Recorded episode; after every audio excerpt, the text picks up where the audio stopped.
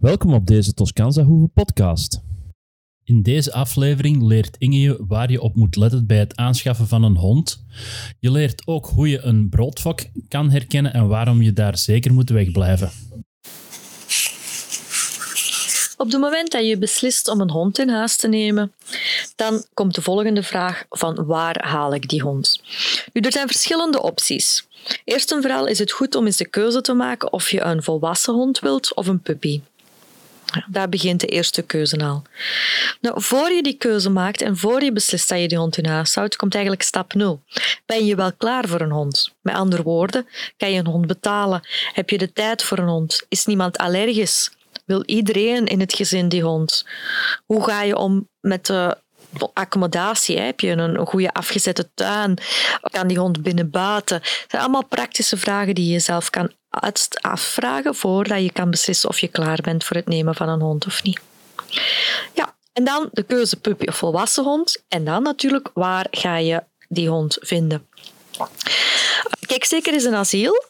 Uh, regelmatig worden er teefjes binnengebracht uh, die zwanger zijn of worden er in beslagnames en zijn er jonge honden te verkrijgen.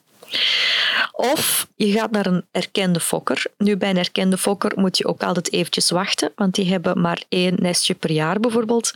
En dan moet je je ook op je wachtlijst laten zetten.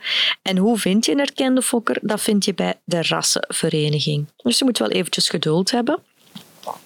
Je kan natuurlijk ook een, gewoon een hond uit het asiel adopteren. En de meeste mensen hebben daar wat schrik van, want die denken dat die gedragsproblemen hebben, maar niks is minder waard. Dikwijls weet je heel goed wat vlees je in de kuip hebt. En een goed asiel gaat altijd zo honden testen als ze binnenkomen en voor ze geadopteerd worden. Zo'n goed asiel kan ook, heeft ook een heel goed beeld over het karakter en de problematiek of de uitdagingen van de hond. Terwijl je dat bij de, een, een ja, puppy natuurlijk nog niet weet. Behalve natuurlijk als je een puppytest zou doen, wat een indicatie geeft.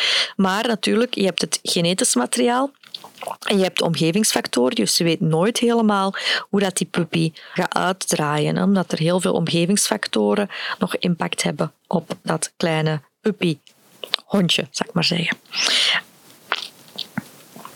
Waar let je op? Of je nu een volwassen hond of een puppy neemt dat dat ras niet alleen mooi is voor jou, dat je dus niet alleen kiest op basis van ras, maar dat je van mooi vinden, maar dat dat ras qua raseigenschappen en verzorging ook wel bij jou past.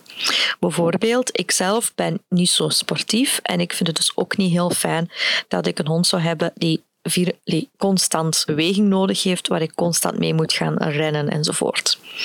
Dus ik hou wel van honden die bij mij op een sofa kunnen liggen. Ik ben ook niet iemand die heel graag met vachtverzorging bezig is, dus ik vind het ook wel fijn dat mijn honden weinig vachtverzorging nodig hebben en ook kleine haartjes hebben. Dus dat zijn allemaal praktische dingen die je moet bedenken voor je gaat voor een bepaald ras of een rassenkruising. Honden uit het buitenland hebben verschillende rassen en dan weet je niet dikwijls welke ras dat erin zit, maar je kan wel een DNA-test doen.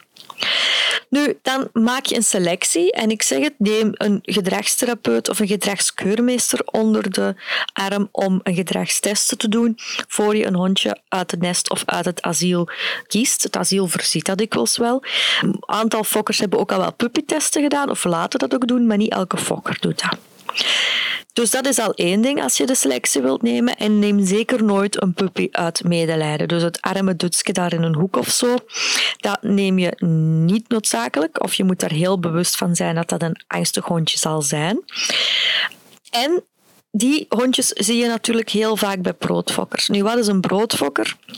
Dat is een fokker die fokt om geld te verdienen. En dat is normaal, want dat doen elf fokkers. Maar ze willen geld verdienen, maar niet bezig zijn met welzijn van de fokteef of van de puppies.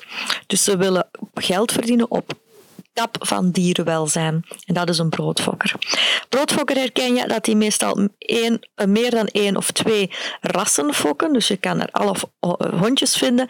En je kan het ook op heel korte tijd vinden. Dus ja, die zitten precies allemaal klaar. En dat is niet logisch. Want opnieuw, bij een goede fokker zijn er altijd wachtlijsten. Nu wil even een impulsinkoop. Dus dikwijls merk je toch wel dat je geneigd bent, als je nu een hondje wilt, dat je dan bij een broodfokker terechtkomt. Ja, dus alsjeblieft, blijf daar weg. Qua gezondheid gaat dat hondje heel ja, heel slecht zijn meestal. Qua gedrag ook niet echt stabiel. En je gaat dus meer geld uitgeven uiteindelijk dan, ja, dan wat anders om die gezondheid en dat gedrag recht te trekken. Waar kan je nog terecht bij een gezin dat gewoon eens een oepsnestje heeft gehad, maar opnieuw, dat mag dan geen broodfokker zijn. Dus als je een per nestje hebt gehad, dan kan dat. Nu, je keuze tussen een volledig grashond of een kruising, ja, dat bepaal je zelf. Het is niet zo, maar niet zo dat een kruising noodzakelijk sterker is fysiek of qua gezondheid. Want dikwijls zijn het kruisingen van rashonden, dus ja, vandaar. Opnieuw, heel goed nadenken welk ras bij jou en je familie past. En niet zomaar gaan kiezen op uiterlijk. Niet zomaar iets nemen uit compassie, uit medelijden. En ga echt wel goed testen welk karakter bij jouw gezin hoort. Dus het ras, het karakter. En dan ga je natuurlijk ook goed bedenken bij welke fokker of welke plaats dat je dat hondje aankoopt. Ik wens jou heel veel succes bij het vinden van jouw fantastische metgezel, want je hebt er natuurlijk heel veel aan, heel veel liefde, heel veel aandacht, heel veel entertainment ook met een hond. Dus ik gun jullie het allerbeste en ik gun jullie ook een fantastische band. Dank je voor het luisteren. De blogartikelen en gratis webinars kan je terugvinden via www.toscanzahoeve.be.